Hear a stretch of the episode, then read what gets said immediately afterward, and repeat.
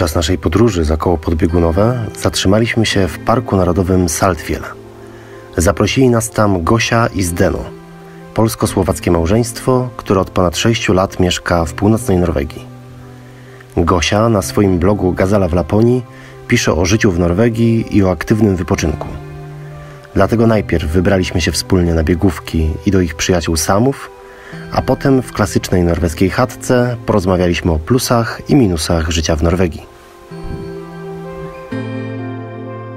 Siedzimy sobie właśnie w chatce za kołem podbiegunowym w Norwegii i rozmawiamy z Gosią i ze Zdeno na temat mieszkania za kołem podbiegunowym, mieszkania w Norwegii i chcielibyśmy, żebyście nam troszeczkę opowiedzieli o plusach i minusach mieszkania tutaj, bo z tego co zrozumiałem, mieszkacie tutaj już 6 lat, przynajmniej za kołem podbiegunowym. Tak, yy, mieszkamy tutaj za kołem podbiegunowym 6 lat. Ogólnie ja mieszkam prawie 7 lat w Norwegii, a Zdeno prawie 9.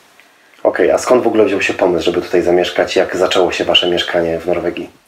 Ja przyjechałam na studia, na Erasmusa, na wymianę studencką do Była i Telemark, to jest na południu Norwegii, około 180 km od Oslo. I tam właśnie studiowałam Ecotourism and Sustainability, taki zrównoważony rozwój turystyczny albo turystyki. A Zdeno tam studiował już swojego magistra i tam się właśnie poznaliśmy na studiach w Norwegii. W ogóle nie planując. Okay. Czyli studiowaliście ten sam kierunek, tak? Nie, studiowaliśmy nie. zupełnie coś innego. Ja studiowałam tylko pół roku, przyjechałam tylko na wymianę studencką, a Zdeno tam studiował już dwa lata. Wcześniej ja tam byłam na wymianie na Erasmusie, a ja się zdecydowałam, że chcę do Norwegii przyjechać magistra się zrobić i pierwszy rok się uczyła norweski, no a to było také srandovné, lebo že tam spotkaliśmy i to Ostrów Wielkopolski Żylina to tylko 350 km, nie? Ale mhm. spotkaliśmy się w Norwegii. Mhm, tak bywa. Także ja po pół roku, po skończonych tam, po, po, całym semestrze wróciłam do Polski, przeprowadziłam się do Warszawy. No i przez dwa lata w sumie dzięki Wizerowi Zdeno co dwa, trzy tygodnie był u mnie w Warszawie i mieliśmy po prostu taki związek na odległość. I po tych dwóch latach zdecydowałam się, że chcę się y, przeprowadzić do Norwegii. Jak chcemy być razem, to niestety, ale ktoś musi ustąpić. I niestety w Warszawie nie ma gór, także Zdeno się nie chciał przeprowadzić, więc y, stwierdziłam, że dobra, spróbuję. A ty wcześniej byłaś zafascynowana, nie wiem, zimą, śniegiem i Norwegią, czy nie bardzo? Yy, wiesz co, Norwegia mnie tak zauroczyła, cały kraj, przepiękny kraj, przepiękna natura. Yy, krajobrazy i e, ogólnie, ogólnie tradycje, ludzie, e, szkoła, uczelnia, zupełnie inny system edukacji. To wszystko mnie tak po, prostu zauroczyło, że stwierdziłam, że jest to kraj, w którym chciałabym spróbować mieszkać.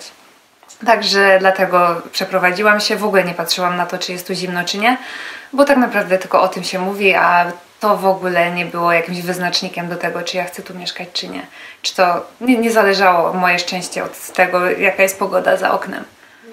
A jeżeli chodzi o pracę i język, to jak wyglądały początki? W momencie, kiedy się zdecydowałam przeprowadzić z Warszawy, to powiedziałam, że idę do Norwegii tylko i wyłącznie z, uczyć się języka. Że jeśli chcę się tu przeprowadzić, to muszę znać język. I właśnie dostałam się na taki język i przez rok studiowałam język norweski. E, to, co wcześniej Zdeno studiował na tej samej uczelni. On kończył magistra, a ja sobie przez rok robiłam ten język po to, żeby zdać taką alamaturę norweską e, w języku norweskim i ustną i pisemną. I to e, zdałam, zdałam, dostałam taki certyfikat, który umożliwił mi dalsze studia i zrobienie magistra już tutaj na północy. Także ja miałam ogromne szczęście, bo studiowałam język i mogłam, dodatkowo miałam sponsora w domu, Słowaka, który tak naprawdę mi naprawdę pomógł. Bez tego, żebym miała jakąkolwiek podporę i pomoc e, ze strony Zdena, na pewno by mi się nie udało. Nie miałabym takiego delikatnego początku w Norwegii. Ja, ja miałem trošku większy hardcore. nie miałeś sponsora? Nie miałem sponsora, ani sponsorkę, nic. E, także ja, ja sobie oszczędziłem jakieś pieniądze na Słowacji. Miałem taki deal z rodzicami, że mi miesięcznie przeszło 200 euro co v tým čase bylo, to nevystarčalo ani na meškanie. No, takže to do, dobrý deal povedz. No, byl taký deal, no ale tak ako, no udalo sa. Ale byli také miešance, že neviem, žilen po prostu střech tišenci korun tutaj v Norvegii, co neviem, minimum na žiče je 15 tišenci, takže to bylo first price, všetko, no i neviem, tam aj do tých kontajnerów, dumpster diving trochę chodziliśmy i najtančie piwo, albo sa, sami sobie robiliśmy piwo, tak naprawdę. Uuu, No. teraz to jest moda i hipsterstwo. Kiedyś No. to Dzisiaj było hipsterstwo, wtedy oszczędność i musiałeś. potrzeba.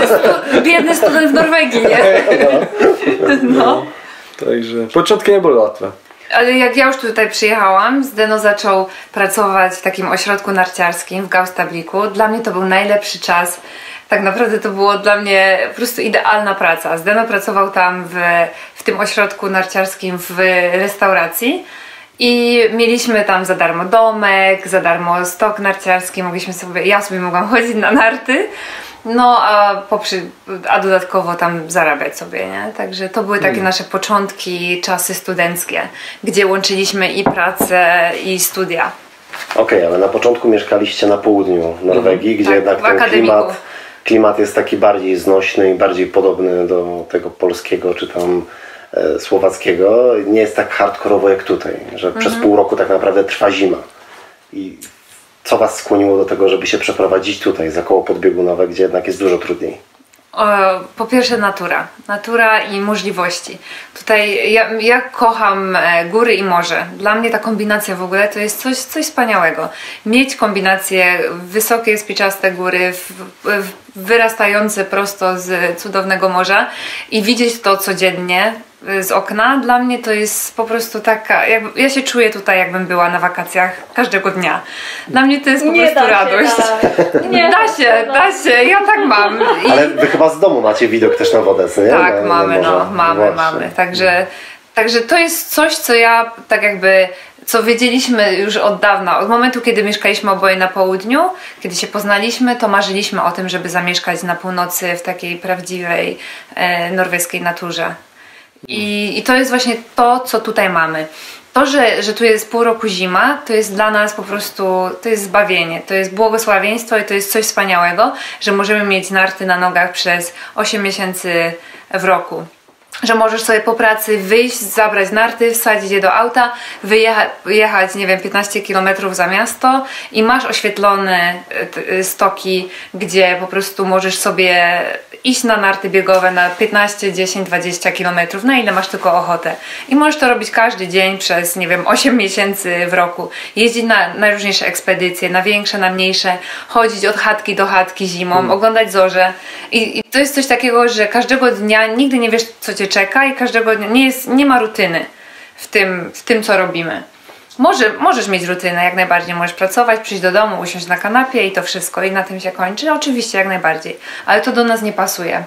My tacy nie jesteśmy. Lubimy, my kochamy po prostu eksplor, eksplorować, odkrywać, widzieć nowe rzeczy. Nawet być 10 razy na tym samym, e, na, tym, na tej samej górze i dla nas to nie ma problemu. A za to jak przyjdzie lato, to jest po prostu taka ekscytacja e, słońcem i światłem. Mi na początku bardzo to przeszkadzało, że tutaj jest 24 godziny na dobę, jest cały czas słońce. Ja nie mogłam spać, było mi źle o godzinie drugiej, mi się nie chciało w ogóle spać, wszyscy śpią, ja po prostu nie mogłam. O godzinie trzeciej w końcu zasnęłam, o godzinie siódmej trzeba wstać do pracy i później chodzisz jak takie zombie.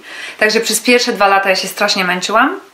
Teraz odkryłam maski na oczy, także śpię w maskach, niczym się nie przejmuję, ale jest coś y, w tym y, i też uczymy się od Norwegów stąd, że jak przyjdzie to lato i przyjdzie słońce, to oni śpią po 4-5 godzin, że cieszą się z tego, z tego czasu, po prostu korzystają jak tylko mogą na 100%. Przyjdzie ładna pogoda, ludzi nie ma w pracy, biorą wolne, bo wiedzą, że może jutro nie być ładnie, że może jutro być przyjść sztorm, być zimno i w ogóle słońce może nie świecić kolejnych dwa tygodnie. Także takiej, takiej spontaniczności ja się tutaj nauczyłam i sobie to bardzo doceniam i się z tego cieszę. I co tacy Norwedzy robią, jak śpią 4 godziny, chcą korzystać z tego światła, no to wychodzą z domu, wychodzą z pracy i gdzie oni idą, co oni robią? Oni idą na szlaki. Praktycznie każdy Norweg ma albo swoją e, jakąś małą chatkę gdzieś w górach. Taką al- w stylu tej, w której jesteśmy teraz, tak? Tak, Albo mniejszą, mniejszą, no. mniejszą. Nawet Prostszą, taka. prostszą, bez e, prysznica i prądu? No, no A teraz, teraz już teraz ma. już mają No. dużo, każdy ma prysznic, także, także te, te norweskie mają prysznice. Albo właśnie takie DNT, czyli takie turystyczne, takie stowarzyszenie norweskich e, turystycznych chatek, gdzie właśnie nie masz w ogóle, masz takie totalnie proste rzeczy, masz łóżko, Hmm. masz kuchnię i się cieszysz, że możesz sobie się gdzieś położyć i zasnąć. Takie, takie czyste, takie, takie totalnie proste warunki coś, co bardzo dużo Norwegów sobie jeszcze ceni, że w dzisiejszych czasach masz takie, taką prostotę, prostotę w naturze, gdzie nie potrzebujesz tak naprawdę, nie wiem, internetu albo nawet prysznica. Czyli tak jak w Polsce są ogródki działkowe i się jedzie, żeby tam marchewki posadzić Tak. i pozbierać, to tutaj są takie chatki gdzieś w górach czy nad jeziorem i się wyjeżdża po prostu, żeby pobyć w dziczy, tak? Albo, Dokładnie albo tak. jeszcze, jeszcze tutaj w Nurlandzie, tym, że tu jest tak dużo toho morza, ogólnie województwo Nurland ma najdłuższą linię morską, to ja nie wiem ile tam, bardzo dużo tysięcy kilometrów. Jedna czwarta całej, całej długości Norwegii, 25% A, a tu kraju. jest dużo ludzi, co po linii. prostu nie ma może aż taki Ma morza. bliski vzťah, relationship, kontakt. z górami, ale mają bardzo bliski kontakt z morzem. morzem, no. I po prostu to jest bardzo dużo ludzi, co ma łódkę, chodzi na kajaki, na ryby oczywiście, mają tam domki gdzieś na tych wyspach. Tutaj kolom, nie tylko Lofoty tutaj są, to jest po prostu tysiące Małych malých wysepek. wysepek tutaj koło wybrzeża, nie? I tam mają, nie wiem, jakiś domek po dziadkowi, po babci i tam wyjeżdżają, że aj ta, ta, ta morska kultura jest tu bardzo, Mhm. bardzo, bardzo silna. Bo Norwegowie chyba mm, wcześniej byli bardzo skupieni na rybołówstwie i wszystkie te tutaj wioski, które były na fiordach chyba się Oni tym głównie zajmowały. tutaj z tego żyli. Do No. dzisiaj żyją, to jest jeden z głównych tak jakby przemysłów, rybołówstwo. I właśnie, nawet na Lofotach, które są No. już bardzo turystyczne, Bardzo, dalej tak. rybołówstwo się Tak, dobrze ma. oczywiście, oni z tego żyją. Do, do dzisiaj jeszcze z tego żyją. Ako, tu, dla nich turizmus to nie jest w ogóle jakiś ciekawy dochód. Nie, dla oni w ogóle nie są, nie są za bardzo teraz- zadowoleni z turystów i z turystyki. Teraz, Nie? był, teraz był taki ciekawy artykuł, że Mówisz jakieś tam Lofotach, dzieci o Lofotach. normalnie za to, że wi, wi, wi, mają taką pracę, że reżą, e, U, ucinają, wycinają, ucina, wycinają języki języki dorszczów z dorszy. i po prostu 13-letna dziewczynka i artykuł o tym, że no, że zarabiam 13 e, albo 1300 korun za godzinę. 650 zł za to, że Wyci- wycina wycina języki. języki dorszczą. Po prostu oni zarabiają teraz, je to Ogromne lofotwiskie, tam ja nie wiem, luty, marzec, może początek kwietnia, kiedy je tam fakt, że mega dużo tych dorszów i oni, ci ludzie tam z Lofot zarabiają miliony na to. Oni z toho żyją tak naprawdę. Teraz pracuję 2-3 miesiące pod rząd, no i potem, potem jest bardziej chill out. Okej, no to skoro już przeszliśmy do pieniędzy i w sumie zaczęliśmy od plusów e, mieszkania w Norwegii, to powiedzcie właśnie jak wyglądają zarobki tutaj. Ile się mniej więcej tak w przeliczeniu na złotówki albo na euro zarabia i czy to faktycznie jest dużo więcej niż w Polsce czy na Słowacji? Mi jest ciężko powiedzieć, czy to jest o wiele dużo wie- więcej niż w Polsce, bo już tam nie mieszkam. Tych ponad 6,5 No w lat. Polsce teraz średnia krajowa to jest bodajże około 3,5 tysiąca złotych netto. A tutaj taka średnia wypłata? 15, 16? No może nawet więcej. No, 16, 17 Średnia? tysięcy. Ja myślę, że więcej, ale, nie Ale, jestem ale to jest pewna. netto, Ale wiesz? netto. Koron? Koron, czy Nie, nie, koron. nie, o złotówkach ja Aha, ty mówię. mówisz o złotówkach? No. No, no to to jest... Bo- No bo ty zacząłeś złotówka, Tak. nie? Aha. 3,5 tysiąca. No Bo- tak po prostu 16 tysięcy złotych za miesiąc. 32 tysięcy koron, hej? Cirka. 32 tysięcy koron No, no, norweskich, no. Okej, no. tak, bo taka informacja dla osób, które nas oglądają albo słuchają, to się mniej więcej przelicza razy dwa, czyli Mhm. powiedzmy 3,5 tysiąca złotych to jest jakieś 7 tysięcy koron. No, tak. Tak. Czyli jak mówicie, że tam nie wiem, 20 powiedzmy tysięcy koron, to 10 tysięcy złotych. Tak, Tak. no. E, Okej, ale wiadomo, że koszty życia też na pewno są wyższe, Mhm. bo jak tak chodzimy sobie tutaj czasem po marketach, czy widzimy na przykład e, teraz tu w tym, w tym centrum. Rękawiczek zapomnieliśmy wziąć Tak, domu. rękawiczek na przykład zapomnieliśmy, chcieliśmy kupić, no to rękawiczki kosztowały 500 koron, czyli 250 zł, najprostsze. Tak, tak, tak. Albo tutaj na stacji chciałem kupić hamburgera z frytkami, no to w przeliczeniu na złotówki kosztował 100 zł. Tak. Gdzie u nas hamburger kosztuje 20-30 zł. Czyli te koszty życia też są wyższe. To była promka, okej, to nie wiedziałem. Ale pomimo tego chyba i tak poziom życia jest wyższy niż w Polsce, jak się tak przeliczy na koszty utrzymania i tak dalej. Ja bym chciała dodać jeszcze, jeśli chodzi o te zarobki, że, że to, co jest e, może dobre jeszcze w Norwegii, to to, że nie ma tak ogromnych różnic e, w, zar- w zarabianiu.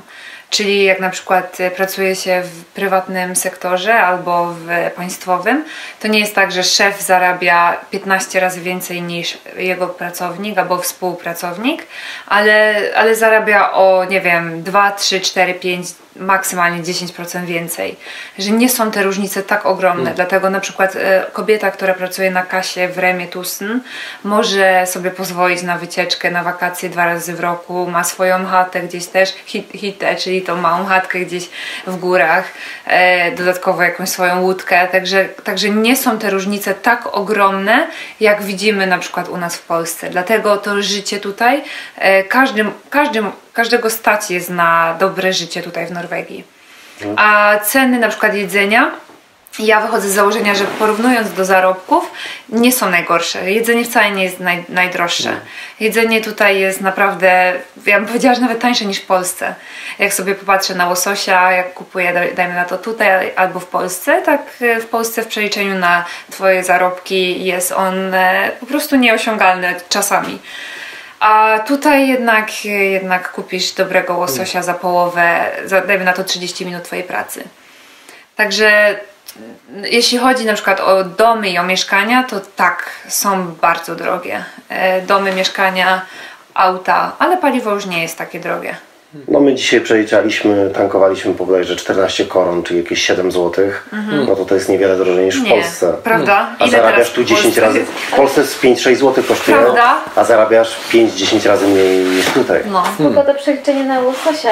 W Polsce, żeby kupić łososia, to jest jakieś 30 zł za taki kawałek.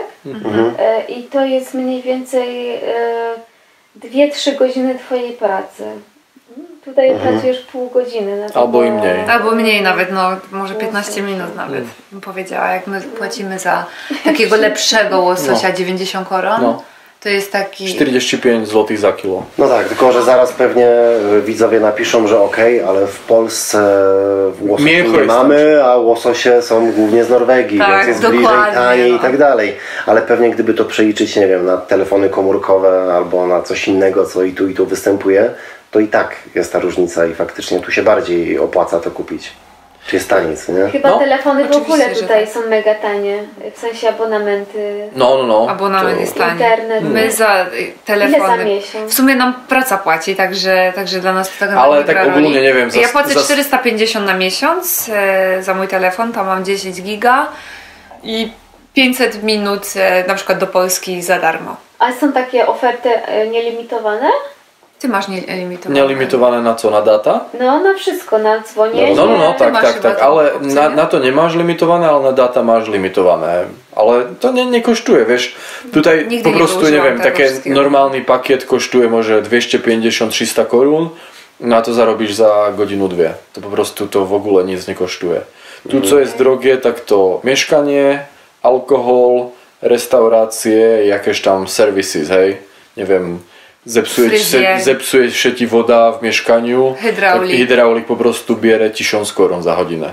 W Polsce hydraulik by, nie wiem, 100 złotych, może ani to nie. Wszystkie takie usługi są Także bardzo usług, drogie. usługi są drogie i Do dentysty tutaj też jest masakra.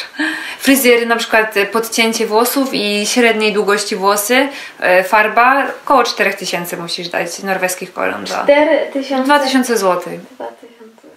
Za farbę i podcięcie. Czyli powiedzmy, że z 10% twojej wypłaty, no ale to przejdź sobie w Polsce, to musiałabyś 300 zł dać za coś takiego.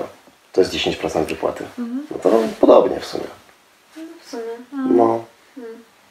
Ale jeżeli chodzi o alkohol, to pamiętam, że gdzieś czytałem, że alkohol jest taki drogi, dlatego że przez to, że jest pół roku zima i jest bardzo długo ciemno, to Norwegowie mają troszeczkę problem z alkoholem, no bo wiadomo, jak jest ciemno, to jest depresja i człowiek sobie radzi na różne sposoby, najczęściej za pomocą alkoholu. To jest ściema w ogóle, jeśli mogę to cokolwiek tutaj powiedzieć, ja z tym Okej. pracuję. Ja pracuję właśnie z promocją zdrowia i jednym z głównych zajęć, jakie mamy, to właśnie promocja zdrowia psychicznego, a w tym wszystkie działania, które właśnie mają za zadanie zmniejszanie depresji.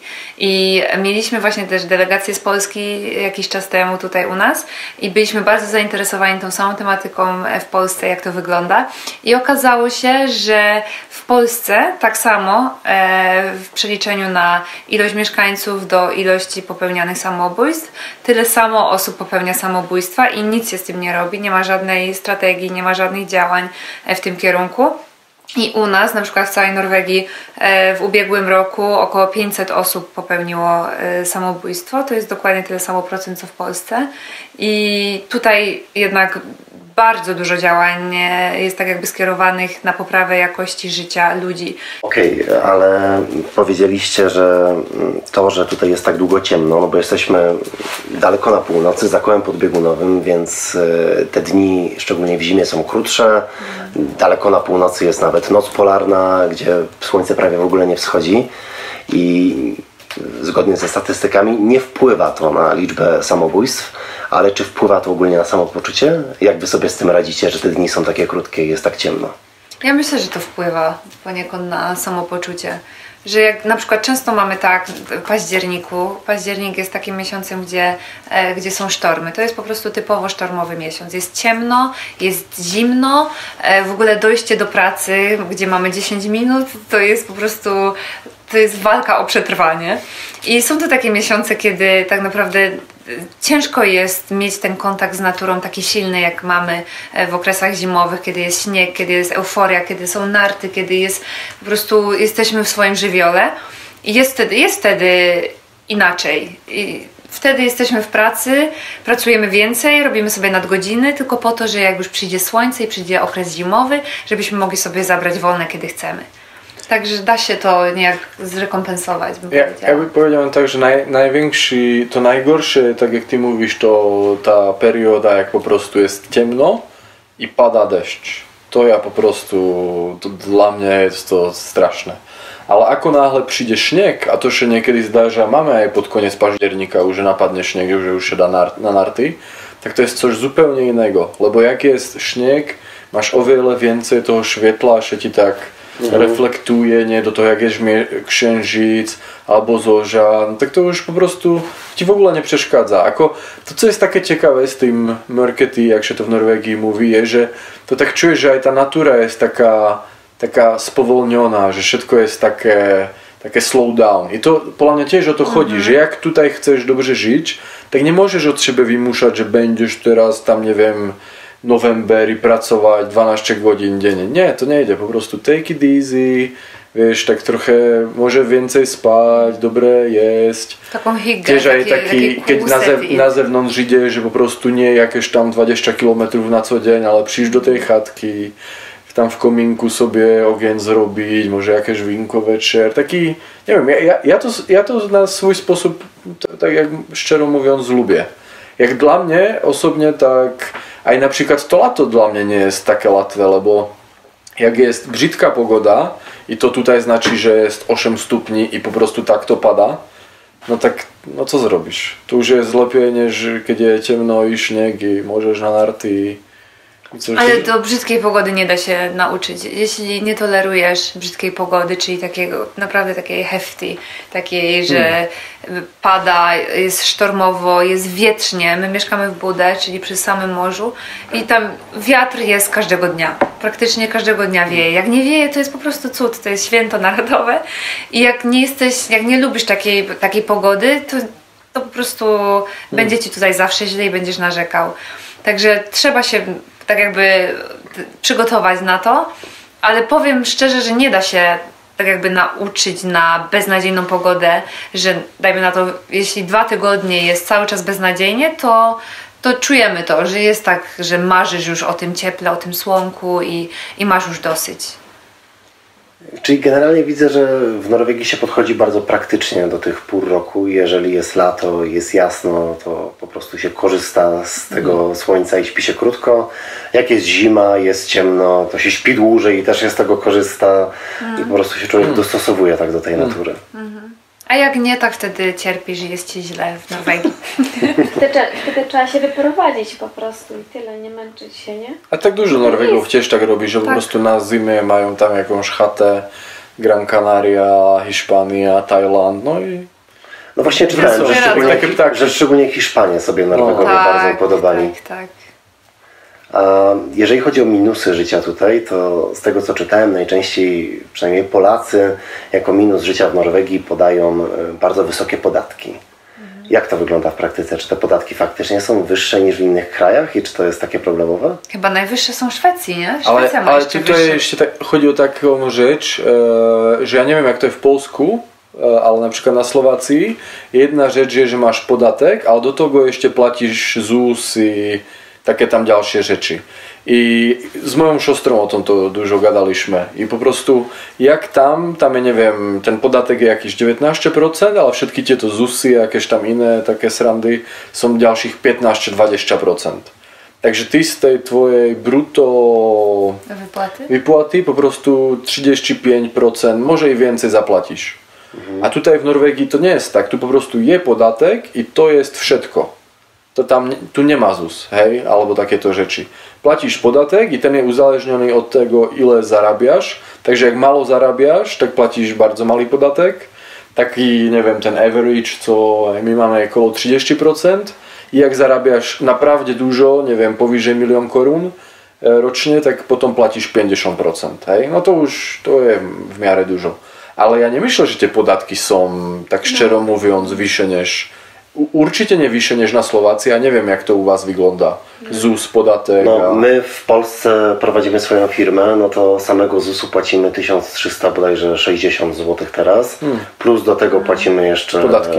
Po- VAT-u 23%, 19 dochodowego. Prawda? I nawet, Że jak Czyli pozbierasz, podatków płacimy ile? 40? no wiesz, ZUS-u nie przeliczysz na procenty, Tak, tak, ale, ale- załóżmy, że w danym miesiącu zarobiliśmy 3000 zł, no to prawie połowa tego idzie na ZUS, No. a druga połowa z tego co zostaje idzie jeszcze na VAT i dochodowy, czyli z 3000 zostaje ci 500 zł. Hej, Prawda? Tak to tu w ogóle tak To- jest. A tu jeżeli zarabiasz mało, to podatku też płacisz mało. Tak. Tak, tu na przykład jak zarabiasz poniżej, nie wiem, czy 50 tysięcy korun rocznie, to jak ja byłem student, tak to tak było. Tak płaciłeś tak nie płacisz w ogóle, w ogóle żaden podatku. podatek. A jak potom, pla- ja nie wiem, zarabiasz 100 tysięcy, tak miałem 12% podatek. I tak, tak to powolutku Bardzo delikatnie to idzie rośnie, to tak nie? do góry. Także to nie jakiś tam... No to takie w sumie rozsądne. Jest to takie, no, no. i logiczne. A powiedzcie, jeżeli chodzi o samych Norwegów y, i ich y, podejście do życia, podejście do obcokrajowców i takie w ogóle życie z nimi na co dzień, to oceniacie to raczej na plus czy na minus? Jacy oni są? Ja muszę dodać, że mieszkaliśmy na południu i na północy i nie da się porównać Norwegów mieszkających na południu do Norwegów mieszkających na północy. Na północy są o wiele bardziej wyluzowani ludzie, e, bardziej e, konkretni, mówią to, co myślą, e, są bardziej tacy weseli, śmieją się o wiele częściej i o wiele łatwiej, pod, tak jakby nawiązują kontakt z innymi ludźmi. Tym bardziej właśnie z obcokrajowcami. Ja na przykład, nie wiem, może mam takie szczęście, ale mam bardzo pozytywne e, doświadczenia i w pracy z moimi Norwegami i ogólnie gdziekolwiek jeździmy. Norwegowie są tutaj bardzo ciekawi, skąd jesteśmy, co tu robimy. E, w ogóle o wszystko się pytają, pomagają bardzo chętnie. Także ci Norwegowie, z którymi my tutaj mamy styczność, są zupełnie inni zupełnie inni od tych na południu. Na południu nawet nie chcieli rozmawiać, po prostu na długość swojej ręki na nie podchodź. Oni po prostu uważają każdego obcokrajowca za złego człowieka, który po prostu im tam przeszkadza, zabiera pracę i w ogóle najlepiej jakby go tam nie było. Eee, także ja mam takie doświadczenia z południem i z północą. To záleží. Ja napríklad na poludniu žilem dlhšie než ty a tiež tam boli, boli OK ľudia, ale tutaj na północy są bardziej otwarci. To jest bez, bez debaty. No a nie wiem, no tak ja, ja myślę, że są že, že tu jakož diskriminuje. Ja po prostu, že ja dostałem pierwszą pracę po studiách, byłem, jak się powie, di direktor? Tam toho National Park Center, co byliśmy w tą studiur. Miałem 26 lat, obcokrajowiec, 10 swoich pracowników. No ja nie myślę, żeby na Słowacji jakiemuś tam Ukraińcowi albo nie wiem, wiesz, Dali taką Mongolowi pracę dali taką studiach. pracę. Ja- tutaj Ja też miałam takie szczęście, bo z, No. jeszcze Bez urazy dla Ukraińców, którzy zostali zestawieni z Mongo- Mongołami. A ja to nie myślałem, że zle tak do niekoho. W drugą stronę, oczywiście. Ale to chodzi o to, že po prostu napríklad ja myślę, že v našich krajach sme o wiele bardziej rasisti než Norvedzi. Že po Že prostu, wiesz, takim to, to, to przyjezdnym. určite by... Znaczy Norwegia, Norwegia chyba ogólnie jest y, tak bardzo pozytywnie nastawiona i otwarta do imigrantów, uchodźców i tak dalej. Oczywiście to są podzielone też zdania, ale mają o wiele lepszą politykę e, dla uchodźców niż my mamy Hmm. w Polsce albo Jaką w mają Europie. w ogóle? Mają po pierwsze to przyjmują e, uchodźców, którzy potrzebują azylu e, ze względu na swoje bezpieczeństwo, czyli na przykład e, przyjęliśmy bardzo dużo uchodźców z Syrii. Na przykład dzieci, bardzo dużo dzieci przy, przyjęliśmy. Powstają ogólnie szkoły, a, azyle dla, dla niepełnoletnich e, tak jakby Syryjczyków. I, I Norwegowie na przykład e, robią, robią takie dugnady, czyli takie sp- społeczna pomoc dla tych e, właśnie uchodźców, gdzie nie tylko, że uczą ich e, języka, to jeszcze tak jakby zapewniają im przeżycie i przetrwanie tutaj. Zbiórki robią jedzenia albo na przykład ubrania, wyposażenia takiego, takiego jednego Syryjczyka. I ogólnie ta polityka jest o, o tyle dobra, że w momencie, kiedy przyje, przyjedzie tutaj taki Syryjczyk albo jakikolwiek inny uchodźca z trudnych, e, woj, nie wiem, objętych wojną e, krajów, tak e, dostanie tutaj pomoc. Aczkolwiek nie ze wszystkich krajów, bo teraz jest też tak, że niektórzy, niektóre kraje muszą czekać na, na pozwolenie mieszkania w Norwegii i oni czekają w tych azylach, dajmy na to rok albo dwa lata, bez tego, żeby mogli cokolwiek zrobić ze sobą albo wyjść z tego azylu i czekają na pozwolenie i nie wiedzą, co się z nimi będzie dalej działo. Czy dostaną, czy nie, czy zostaną wysłani z powrotem do swojego kraju.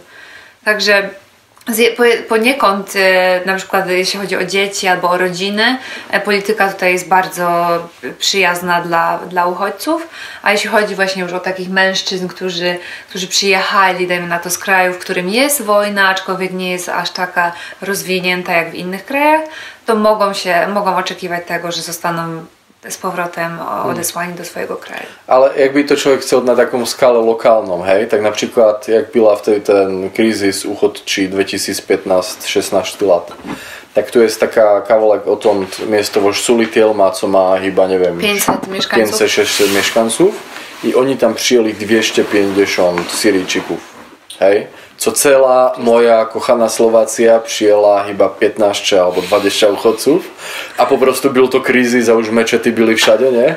Tak tutaj, tutaj malá Sulitielma přijela 250, no i po prostu úplne no stres, všetko OK. Mają tu dobré programy introdukcyjne a język ich naučą i tak, ale byli bardzo kochani ludzie. My na przykład tutaj w tym centrum mieliśmy ich tam na odwiedinách tak pierwszy raz widzieli tam, neviem, lúd alebo šneh, lebo tak u nich je, bylo trochu teplej.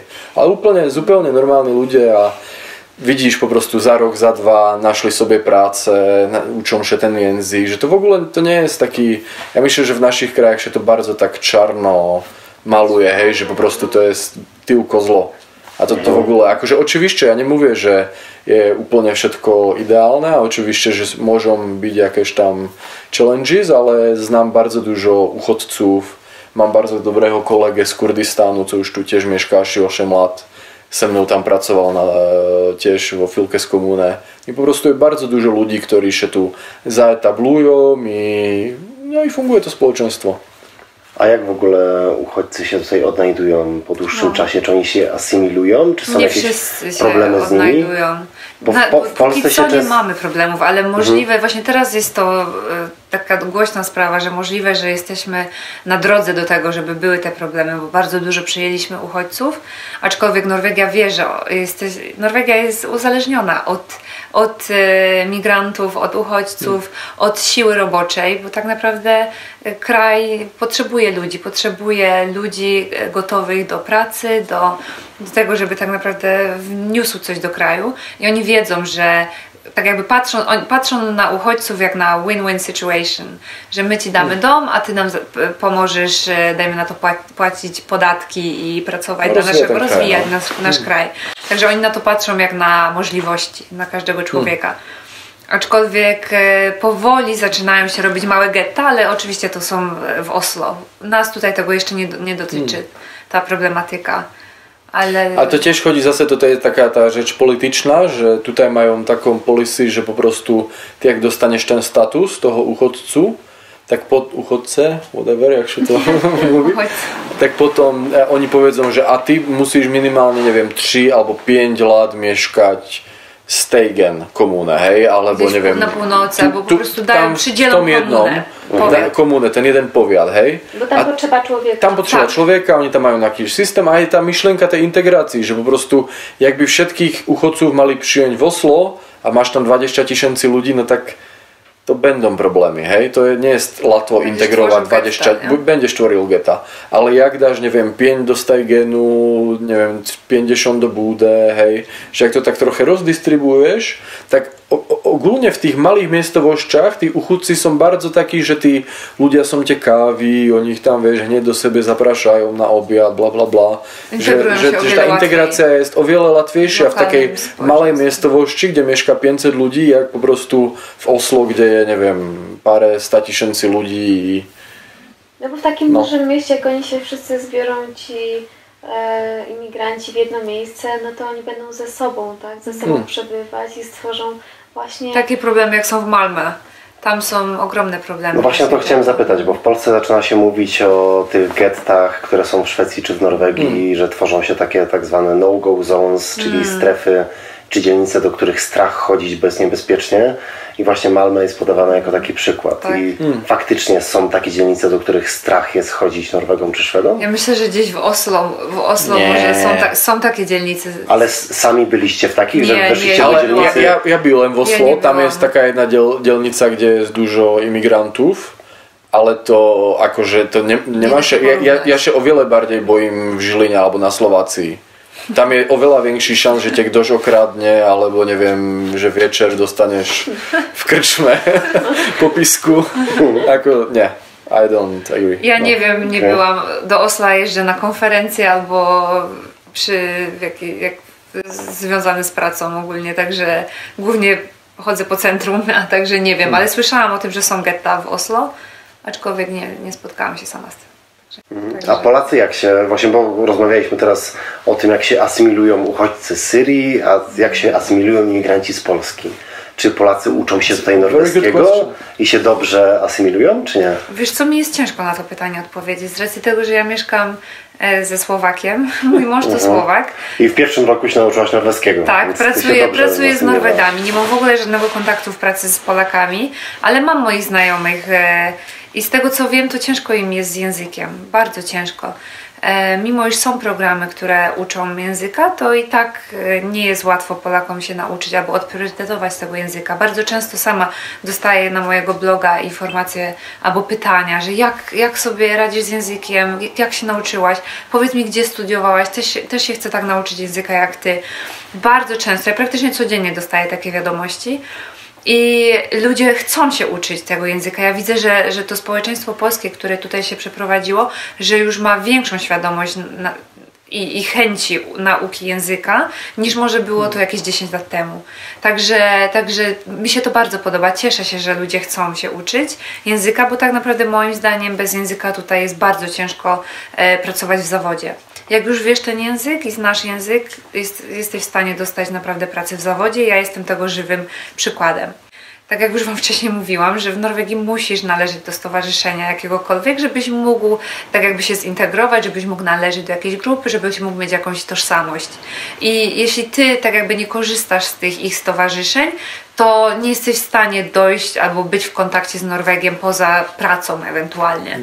Także jest bardzo ciężko poznać kulturę, poznać Norwegów i jest bardzo łatwo ich z góry określić, że oni są bardzo nieprzyjaźni, że, są, że nie pozwalają dojść do siebie, że, że z góry cię źle traktują, że cię mobują, bo, bo tak jakby nie, nie, nie, nie, nie zrobiłeś tego don't crack the code, że nie jesteś w stanie tak jakby przejść przez ten, przez ten kod w momencie, kiedy nie, nie, nie wyjdziesz do nich. Ale jak wyjdziesz do nich i pokażesz im, że chcesz się zintegrować, że chcesz ich poznać, że chcesz poznać kulturę Dugnadu, czyli tej pracy e, społecznej, do, dla dobra innych ludzi, na przykład ta chatka tutaj nie, nie istniałaby i my byśmy tutaj nie mogli być, gdyby nie dobrzy ludzie, którzy, ja na to mówię dobrowolnicy, strasznie się z tego słowa śmieję, bo to jest po słowacku, a to są wolontariusze po polsku, gdyby nie dobrowolnicy, którzy by przyszli i, i tutaj ogarnęli, posprzątali, przynieśli jakieś rzeczy.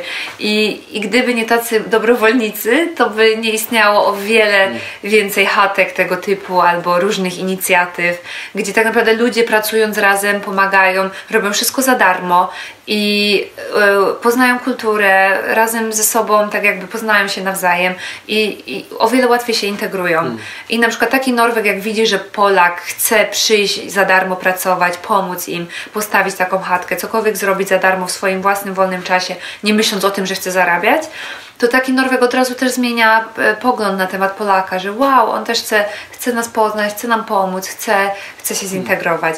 Także myślę, że mamy, mamy jeszcze trochę drogi do przejścia, żeby, żeby się integrować i, i ale jesteśmy na, dro- na dobrej drodze. Ja myślę, że jeszcze ďalší taki point je, že się chceć integrować, lebo jest bardzo, a to nie, nie tylko Polacy, to jest ogólnie imigranti z EU, hej. Dużo ľudí sem prichodí s tým, že chce po prostu przyjechać, dwa roky popracovať, zarobić kasę i wjechać domov, hej. A większość to je aj tak, že po prostu tylko chłopacy. Żona, dzieci są w domu, no i ty przyjdziesz i pracujesz non-stop i, i tak. No i oczywiście, że jak ty pracujesz 6 dni w tygodniu po 12 godzin i może tylko z samymi obcokrajowcami, no tak się za bardzo nie, zintegrujesz, nie, tutaj z Norwegami.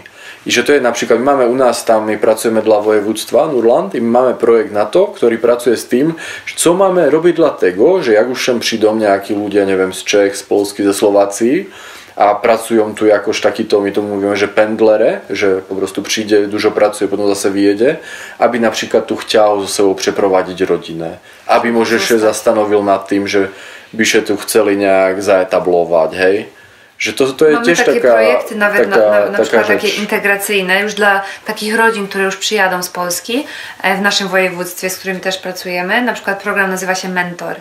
I taki mentor e, polega na tym, że e, w danej komunie, w danym powiecie masz, dajmy na to, parę osób, które są, za, albo takiego koordynatora imigrantów, który tak jakby y, ma lokalnych ludzi, mentorów dla tych imigrantów. Czyli taki mentor jest odpowiedzialny za to, że pokaże ci e, dajmy na to miejsce, gdzie mieszkasz, że wytłumaczy ci, e, nie wiem, kulturę, historię norweską, że oprowadzi cię e, po tych takich da Ci tak jakby taki, taki początek, ułatwi Ci początek mieszkania w tym kraju, że jak czegoś nie wiesz, jeśli chodzi o służbę zdrowia, o lekarza, o szkołę dla dzieci, to taki mentor ma Ci ułatwić w tym... E... Było to w serialu. Właśnie chciałem powiedzieć, kojarzycie tak? ten serial nie? na Netflixie Lilyhammer? What the f*** are you doing out here by yourself?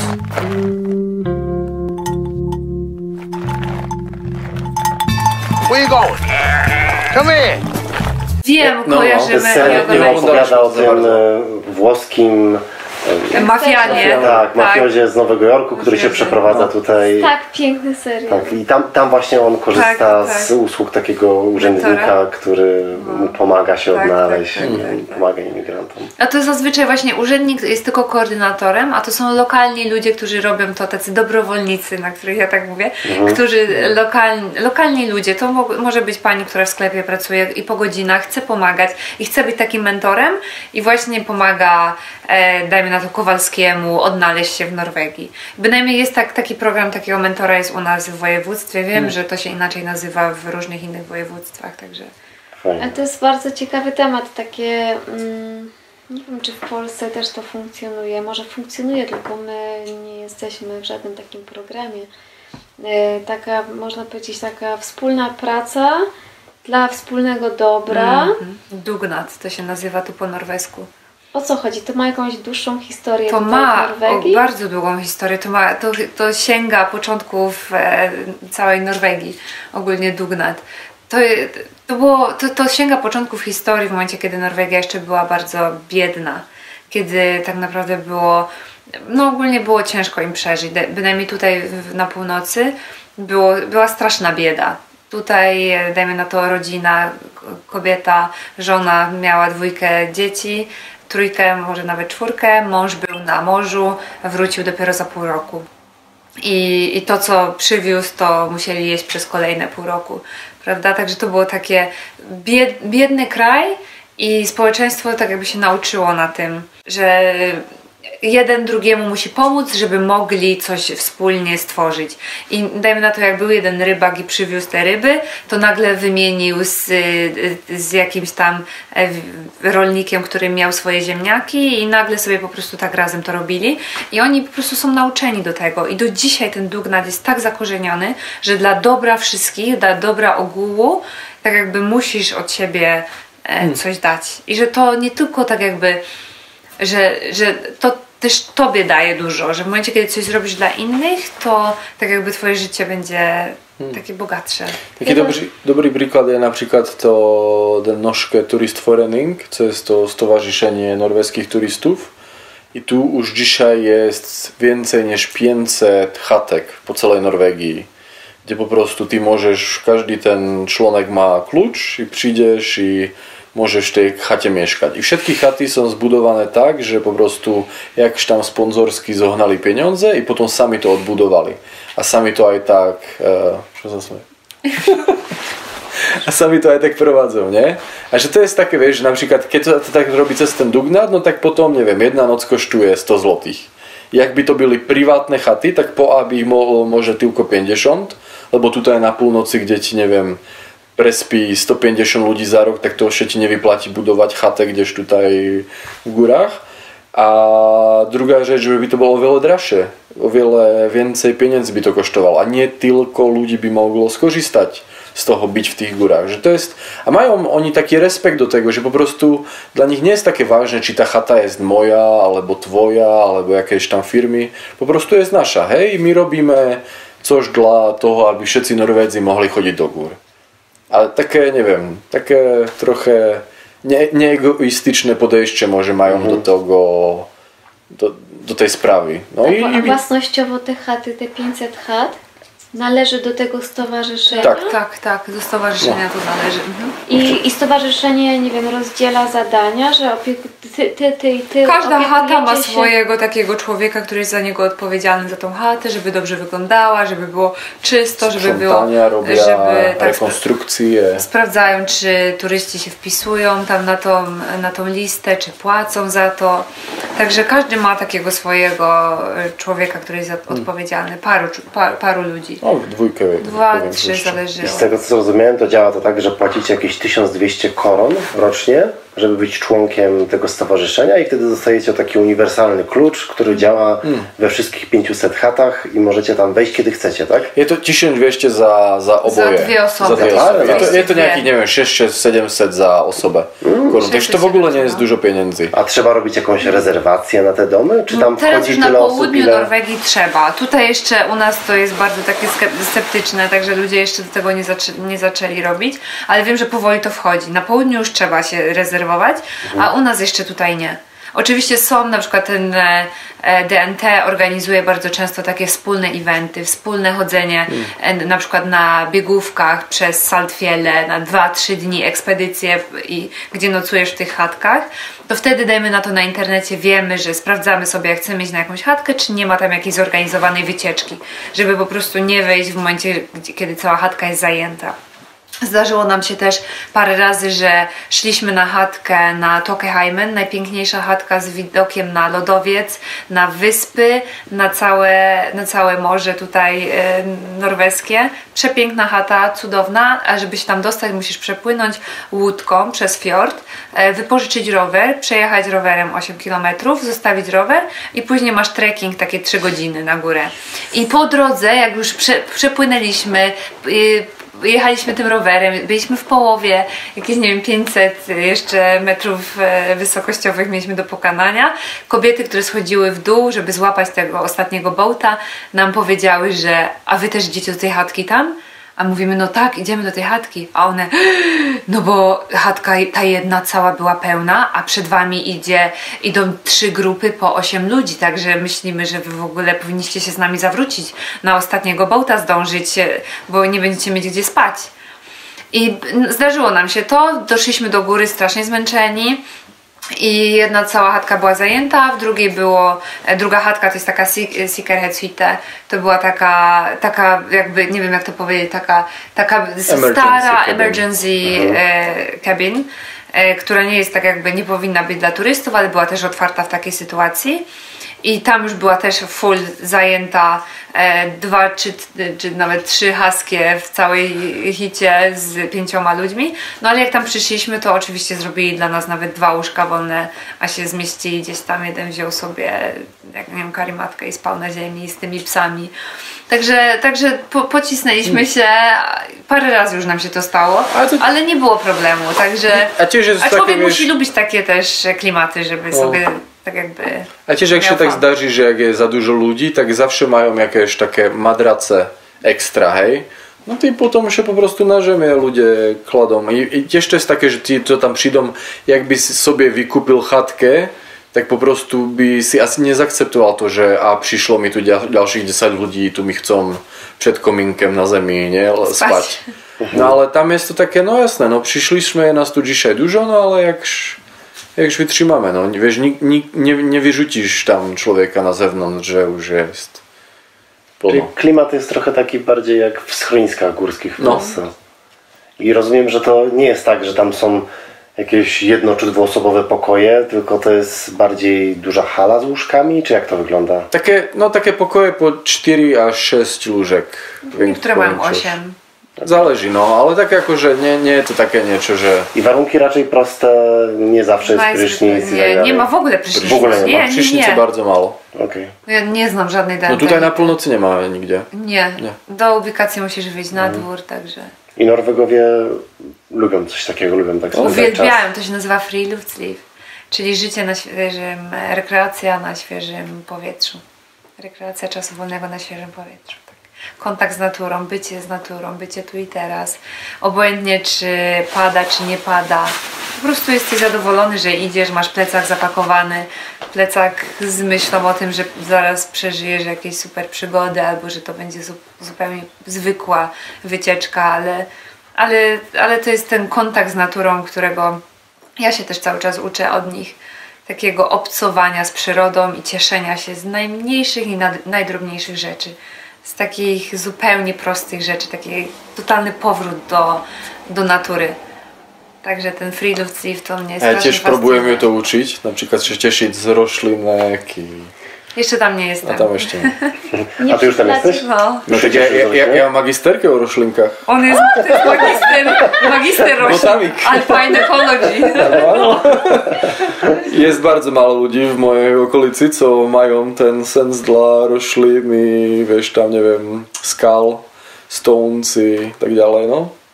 Ale you're getting there. Nie wiem, Ale czy tam przy- będę kiedyś. Przytulasz się z drzewami? To nie, Nie, Akože nie ma- ten kierunek? No, może nie aż tak, ale, ale jak jest takie fakt, że na przykład ja bardzo kocham stare borowice. Borowica, pine tree, nie wiem jak to po polsku. Sosny? Sosny. Sosna, sosna. Po prostu taka stara, 200-letna sosna, tak przyjdziemy, tak, tak to czuć takie to ciepło, czuć taki ten, ten respekt. Jak, jak dla mnie. Ale jak byliśmy w Sequoia National Park y, w Stanach, tam się przytulaliśmy, a ja się też przytulałam do drzewa. Oj, bo one są takie wielkie i takie mięciutkie jak mamut, Tak. że każdy No. chce. tak, dokładnie. Ty matko, ona ma włosy. W ogóle jak byliśmy tam ostatnio, to ja nawet na filmie którymś powiedziałem, że one mają sierść jak mamut, a potem ktoś mi napisał, że po polsku te drzewa się nazywają właśnie Mamuty? jakoś sosna mamucia czy coś Aha. takiego. Tak, tak. Więc nie ja pierwszy to porównanie Aha. chyba zastosowałem. Mamut, dokładnie tak. No, Ja się przytulam do brzus. Brzos? Tak? tak, Ola dobrze się przytulam. Mają Brzozy coś. mają, mają. Ej, No. tu są bardzo ładne brzozy. Tu jest dużo inaczej. Naturalnie, na przykład śmierk, tak nigdy, tu zobaczycie, ale nigdy nie roś, nie, śmierk nie rosł naturalnie na północ od Śmierk. bieguna. Smerek. Jest. O, po górolsku jest smryk. Smrek, no tak rozumiecie, Tak. super. Ale brzoza to jest takie typowe drewno tutaj a super, po prostu brzozy tam z tymi... Však aj Laponczycy tak robili zawsze lawu, że našli taką brzozę, co była taka tak ognięta, no i potem dali kilka ich tak No, no, no. razem. Ja nie? Zrobili No. sobie to swoje takie lawu albo tę swoją gamę.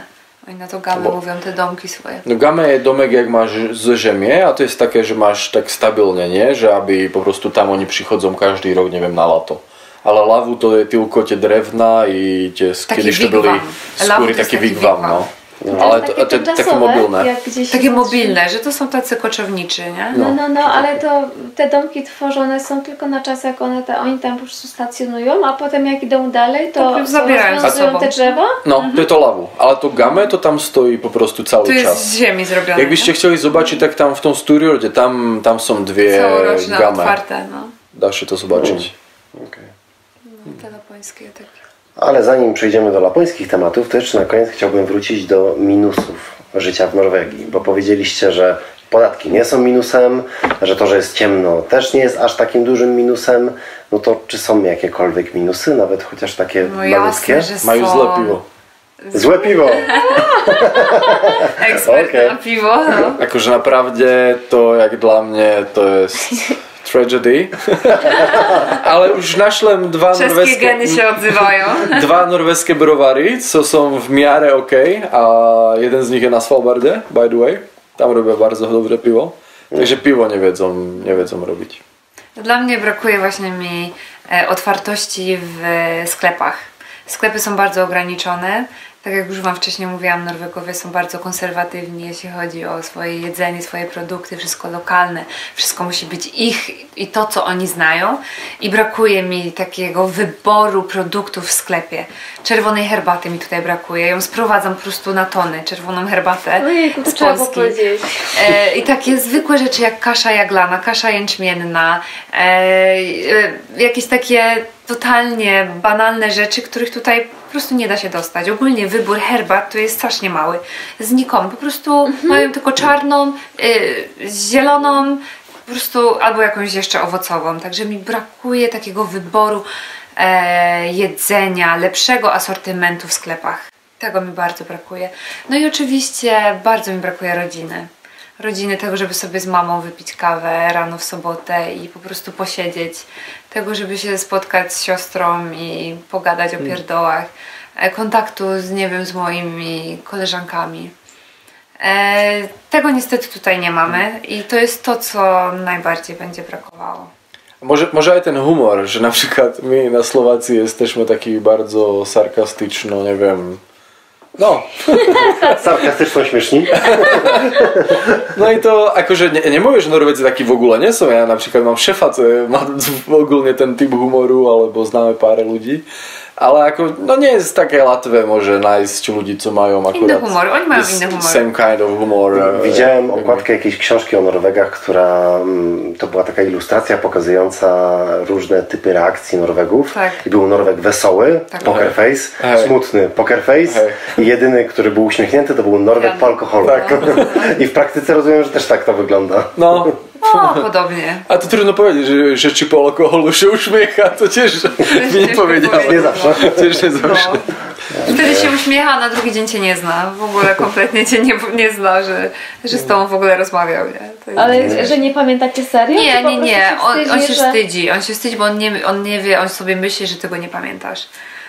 Także on się wstydzi pokazać jakiekolwiek emocje, uczucia albo wiesz, cokolwiek, że cię poznał. A faktycznie Norwegowie są tacy, że nie chcą wchodzić w drogę innym, przeszkadzać i w jakiejś książce czytałem, że nawet w autobusie się wstydzą do kogoś zagadać, że muszą go przeprosić, czy gdzieś tam przejść i tak dalej. Nie no, w autobusie to jest w ogóle rzecz święta, żeby, żeby każdy siedział w ogóle na swoim miejscu. Nie masz prawa, jak masz autobus, dajmy na to w pół pełny, nie masz prawa usiąść około drugiej osoby, musisz iść najdalej, żeby znaleźć swoją własną dwójkę. Ako- nie masz prawa to- to- usiąść to koło drugiego człowieka. Ja, nie? Ja, ja pamiętam, raz z Prywatność Indonézii, bardzo či z doceniają. Kon, po prostu ideš z Ázii i vieš, alebo aj v našich krajach po prostu jesteś na stacji pociągowej na lotnisku, kde gadają, coś tam furt slychať, nie?